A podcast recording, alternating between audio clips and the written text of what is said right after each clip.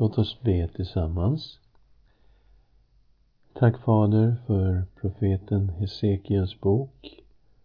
Vi vet att det är ditt ord och vi ber gode Gud. Fyll oss med din heliga Ande. Öppna våra hjärtan för dig. Tala till oss, Herre, från ditt ord. I Jesu Kristi namn. Amen. Ja, vi ska nu ta oss in i själva boken. Och vi ska börja med inledningen. Kapitel 1, vers 1 till 3. Vi läste ju de här verserna när vi gjorde bakgrundsstudiet. Och det fanns en tidsangivelse där i första versen som troligen syftar på Hesekiels ålder, 30 år gammal. Och han var präst och det var också vid 30 års ålder som prästen tilläts att göra tjänst inför Herren. Och det ser vi i fjärde Mosebok kapitel 4, vers 30. Vi fick reda på att Hesekiel befann sig vid en flod som hette Kebar i Kaldéernas land och då är han i närheten av Babel.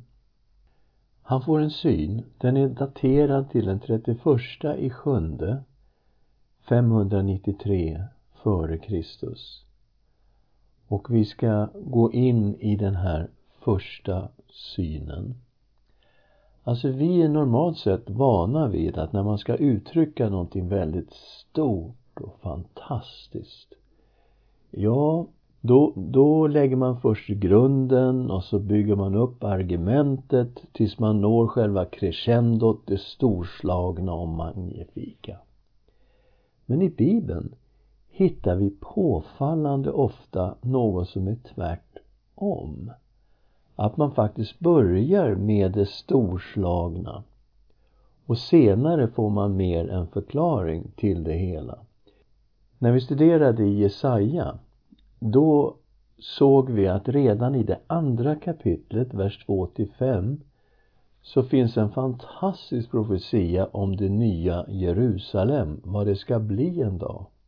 Det bara uppträder mitt i texten utan förvarning och sen kommer det visioner om det nya Jerusalem när vi är långt inne i trösteboken i kapitel 54 och kapitel 60 där får vi reda på att Gud ska bygga en fantastisk stad som är byggd av ädelstenar och den här staden är egentligen Herrens fru, Herrens maka och det finns många fantastiska saker där i Jesaja bok.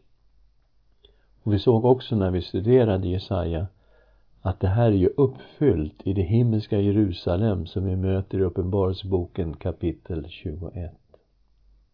Så det här med att börja med någonting väldigt stort, det är någonting som vi möter i Bibeln. Och vi kommer att möta det här i Hesekiels bok. Den enorma frågeställningen, vad ska hända med Herrens härlighet? Vi går in i en del av boken som vi kallar för Guds härlighet lämnar templet. Hesekiel 1, 4 till 11, 25. Och det var bara några få år kvar till Jerusalems ödeläggelse. Den skedde 586 f.Kr. och vi befinner oss nu år 593 så vi ser ju hur nära det faktiskt är. Och en viktig fråga när Jerusalem skulle ödeläggas. Vad ska hända med Herrens härlighet? Herrens härlighet var ju i det allra heligaste i templet i Jerusalem. Och när Salomo byggde templet i Jerusalem i början på 900-talet före Kristus. Då läser vi så här i Första Konungaboken kapitel 8, vers 10 och 11. Men när prästerna gick ut ur helgedomen uppfylldes Herrens hus av molnet. så att prästerna inte kunde stå och göra tjänst på grund av molnet eftersom Herrens härlighet uppfyllde Herrens hus. Så Herren var på något sätt i det här templet, i det allra heligaste i templet. På den stora försoningsdagen så gick översteprästen in i det allra heligaste. Det var den enda gången på hela året som han gick in i det allra heligaste. Och då gick han in inför Herrens ansikte och bringade försoning för folket. Så för Israel på den tiden så var det här väldigt levande att Gud fanns i sitt tempel i Jerusalem. När vi läste Jesaja då såg vi detta med profetens kallelse i Jesaja kapitel 6. Och han befinner sig i templet. Han befinner sig i det rum som kallas för det heliga. Men vi upptäcker också att förlåten, ridån, är borta och han ser rakt in i det allra heligaste. Och han ser Herren upplyft på en tron. Och han ser serafer som har sex vingar. Med två flyger de, med två täcker de sina ansikten, med två täcker de sina fötter. Därför att den som sitter på tronen är så helig. De kan inte se på honom. Och de täcker också fötterna som symboliserade orenhet på den tiden. Och seraferna ropar till varandra, helig, helig, helig är Herren Sebaot. Hela jorden är full av hans härlighet.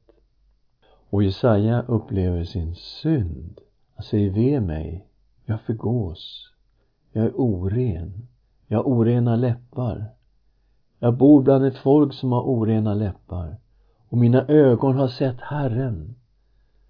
Och då tar en av seraferna och flyger fram till rökelsealtaret som står där i det rum som kallas det för det heliga och tar ett glödande kol och rör vid Jesajas mun och säger nu är din synd försonad.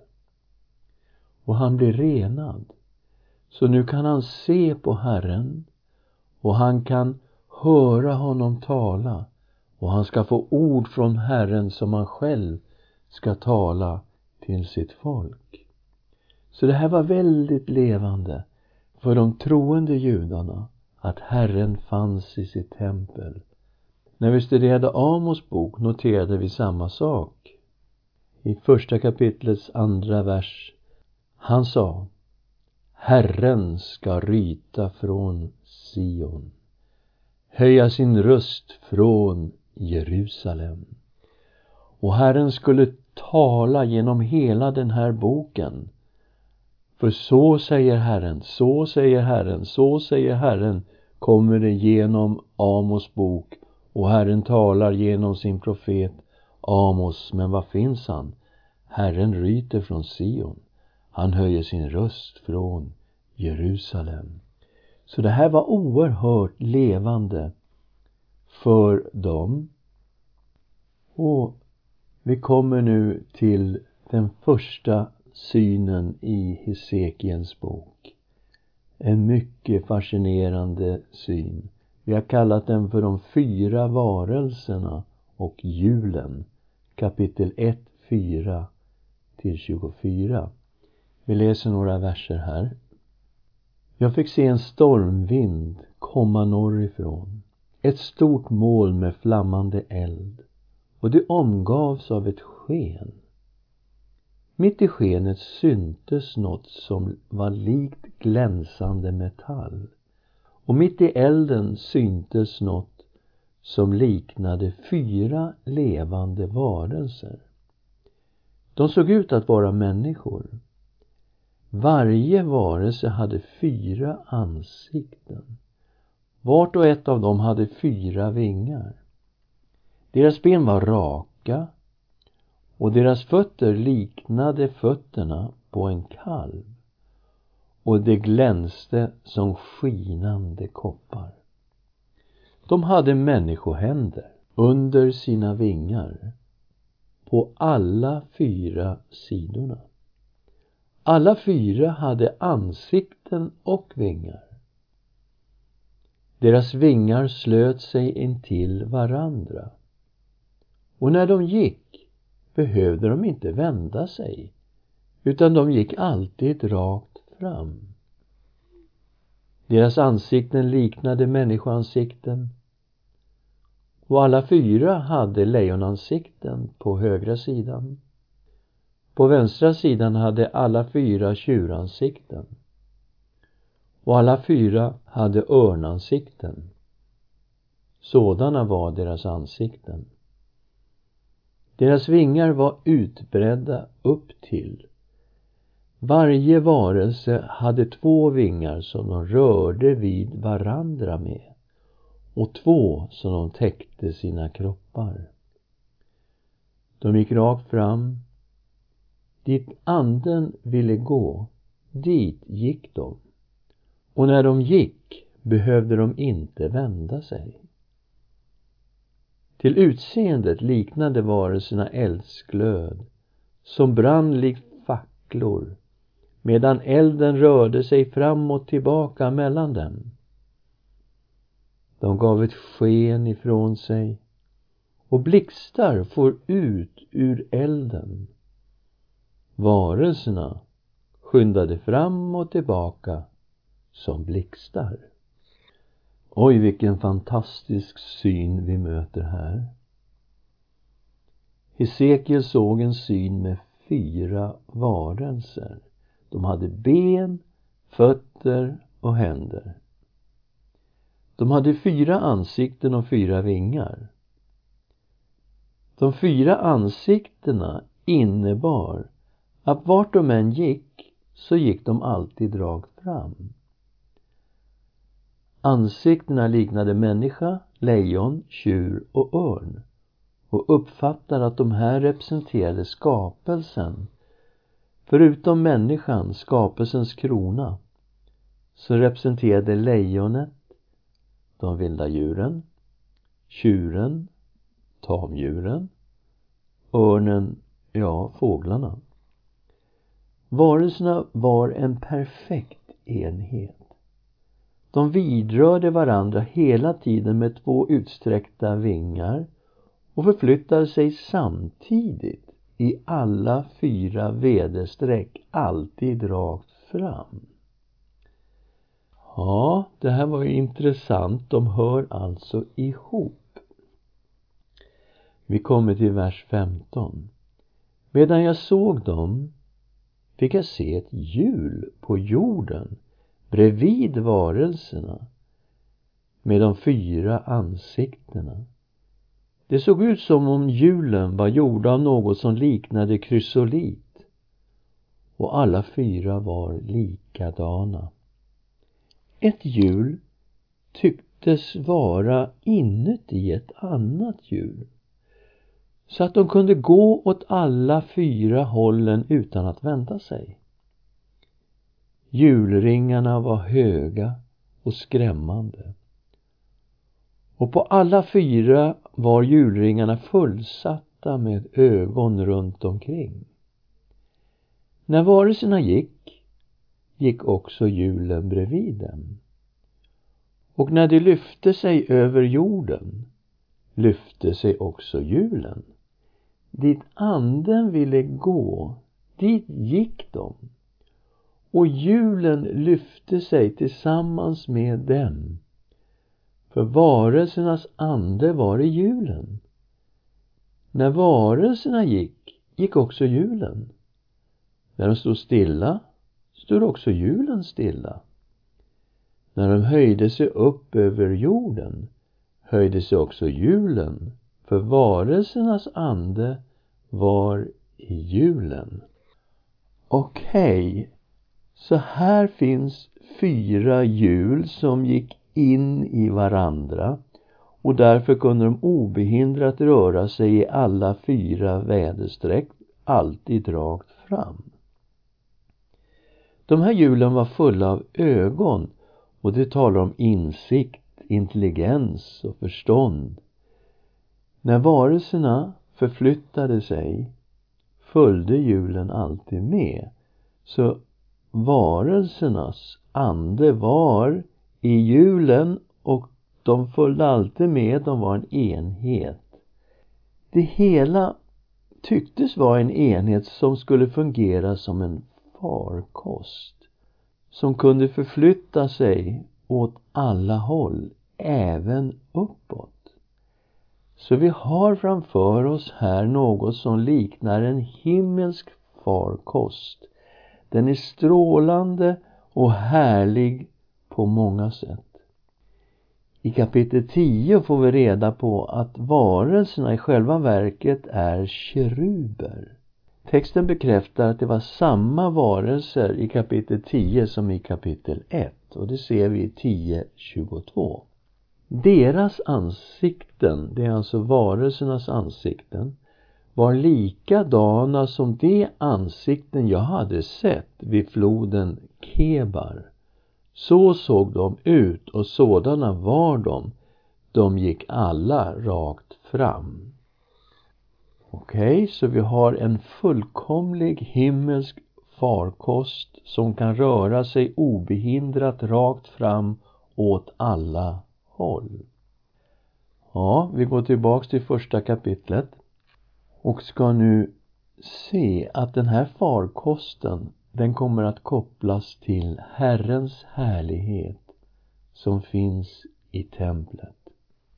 I det allra heligaste i templet i Jerusalem stod arken. Arken var en låda som var överdragen med guld. I lådan förvarades framför allt stentavlorna med de tio budorden som Mose fått av Herren. Det ser vi i Andra Mosebok 34 och 1. Herren sa till Mose Hugg ut två stentavlor åt dig, likadana som de förra. På dem ska jag skriva samma ord som stod på de förra tavlorna som du slog sönder. Så, här i den här arken fanns tio Guds bud. Locket på arken kallades nådastolen och var en symbol för Guds tron i himlen. På lockets sidor fanns två keruber som var överdragna med guld och allt det här är väl beskrivet i Hebreerbrevet kapitel 9, vers 1 till 5. Tanken var att Herrens härlighet som uppfyllde det allra heligaste tronade på keruberna. Det är också så som Herren är uppenbarad på flera ställen i Gamla testamentet. Vi ska titta i psalm 80, vers 2. Lyssna, du Israels herde, du som leder Josef som en jord, du som tronar på keruberna, visa dig i glans. Och i psalm 99, vers 1. Herren är kung. Folken bävar. Han tronar på keruberna. Jorden skälver. Och så här möter vi Herren i Gamla testamentet. Han är den som tronar på keruberna. Och när vi nu vet att de fyra varelserna är keruber Ja, då förstår vi nu att vi kommer att möta Herrens härlighet ovanför keruberna. Vi ska läsa ur, ur Hesekiel kapitel 1, vers 22. Över varelsernas huvuden syntes något som liknade ett himlavalv, likt underbar kristall, utspänt över deras huvuden. ett himlavalv, någonting som strålar och reflekterar som kristall. Och vi läser också kapitel 1, vers 26 och 28. Återigen möter vi valvet här som är ovanför varelsernas huvuden. Och ovanför valvet, över deras huvuden, syntes något som liknade en tron gjord av safirsten. På det som liknade en tron satt en gestalt som såg ut som en människa. Och jag såg något som liknade glänsande malm omgivet runt omkring av något som liknade eld. Från det som tycktes vara hans höfter och ända upp. Och neråt från det som såg ut att vara hans höfter så jag något som liknade eld omgiven av ett sken. Skenet runt omkring som bågen i skyn en regnig dag. Sådan var synen som tycktes vara Herrens härlighet. När jag såg den föll jag ner på mitt ansikte och jag hörde rösten av någon som talade. Och det är alltså han som sitter på tronen, Herrens härlighet, som talar till profeten Hesekiel. Så, det fanns ett valv alltså ovanför keruberna och ovanför valvet fanns det en tron. Och han som satt på tronen liknade en människa. Han som satt på tronen strålade och sken i regnbågens färger. När Hesekiel såg Herrens härlighet på tronen då föll han ner på sitt ansikte i vördnad och tillbedjan.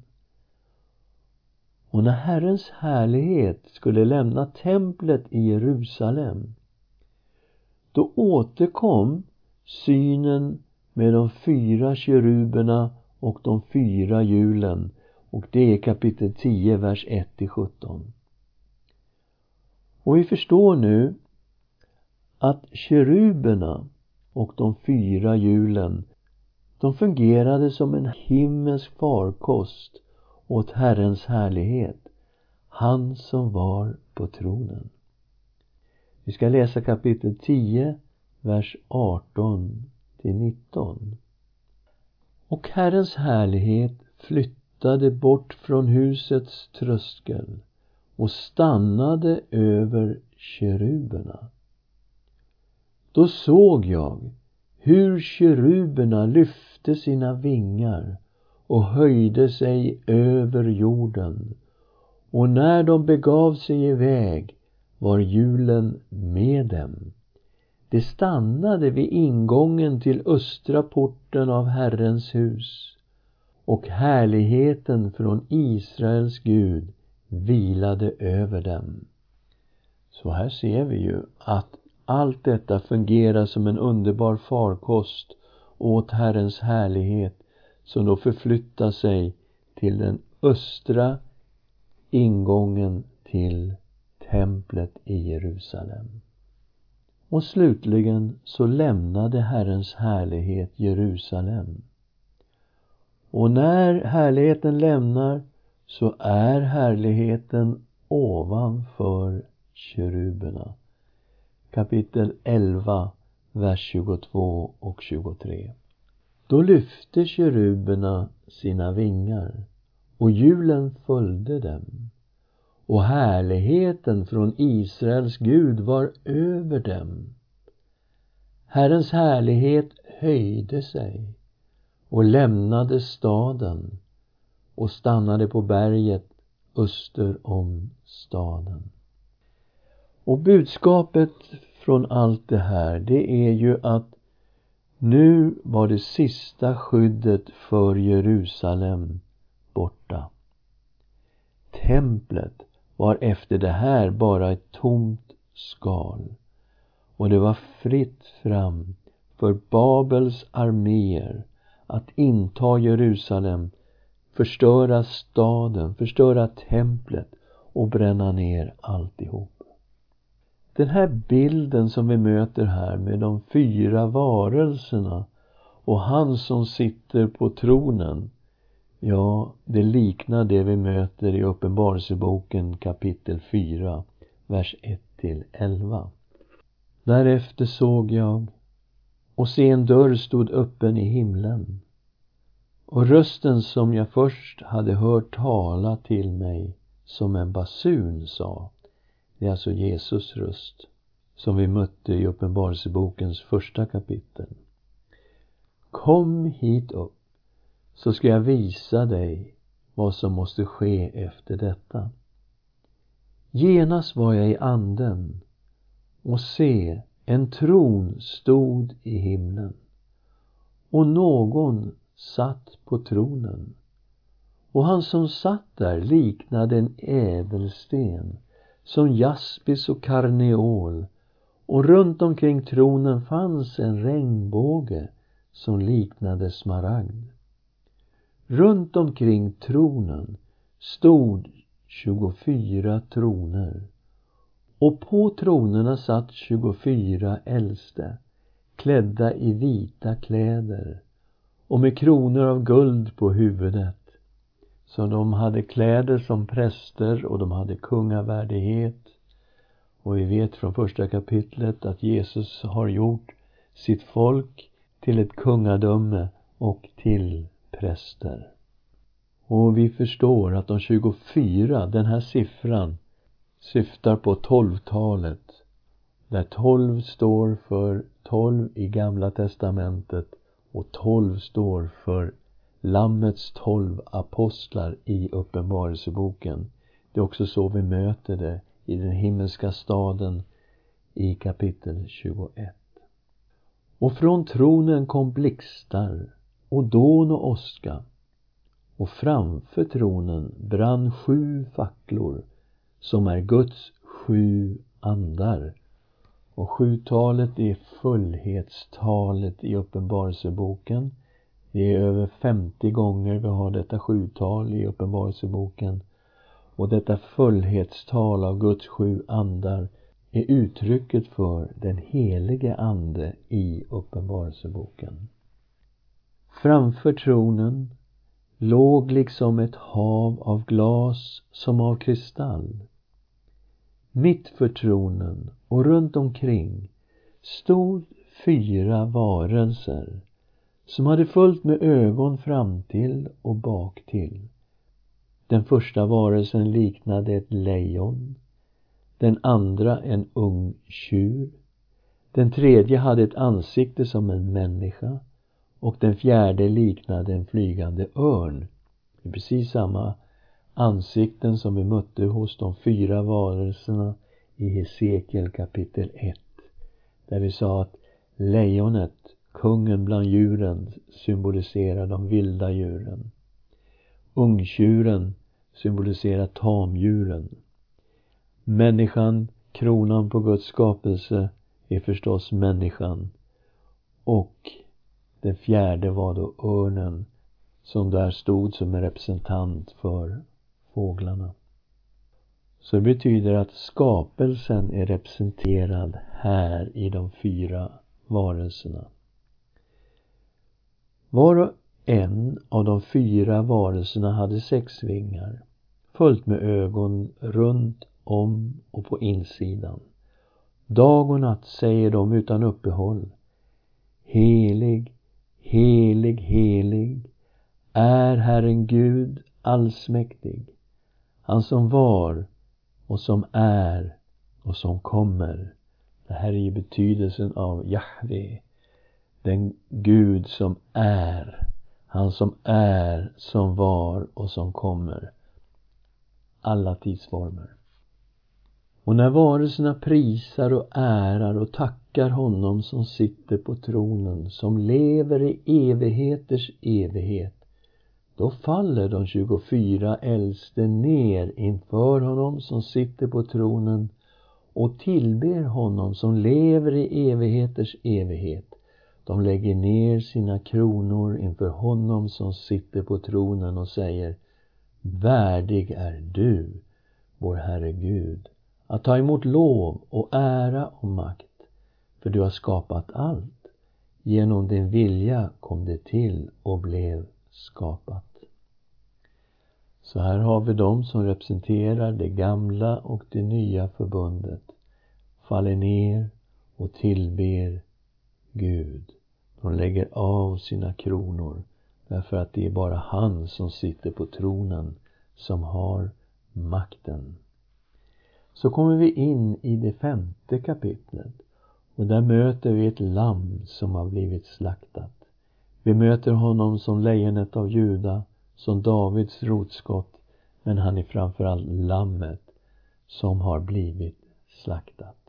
Och det blir en tillbedjan av lammet och honom som sitter på tronen. Och här finns varelserna med, de fyra varelserna. Här finns de 24 äldste med, men här finns också hela skapelsen med. Vi läser i kapitel 5, vers 11. Och jag såg och jag hörde rösten av många änglar runt tronen och varelserna och de äldste. Deras antal var tiotusen gånger tiotusen och tusen gånger tusen. Och de sa med stark röst Lammet som blev slaktat är värdigt att ta emot makten, rikedomen, visheten, kraften, äran, härligheten och lovsången.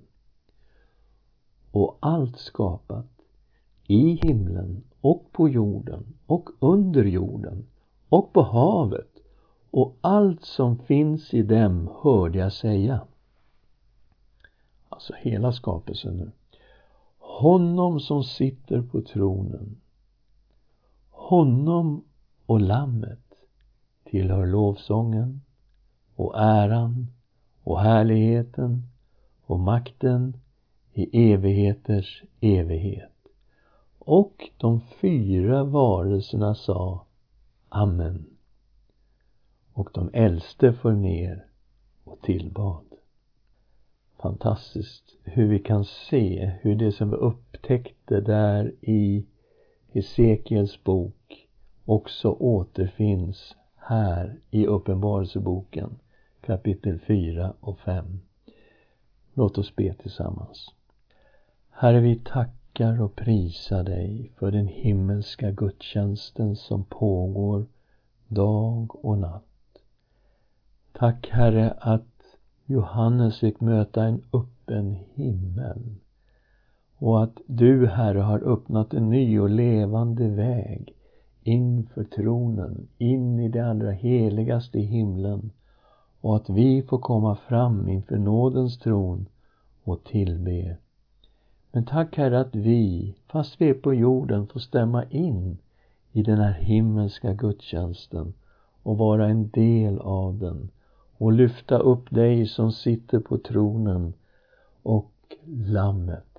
Tack Herre Jesus att du är den som har blivit offrad. Tack för ditt blod som renar ifrån all synd. Vi tillber och ärar dig. Levande Gud, Fader, Son, Helig Ande. I Jesu Kristi namn. Amen.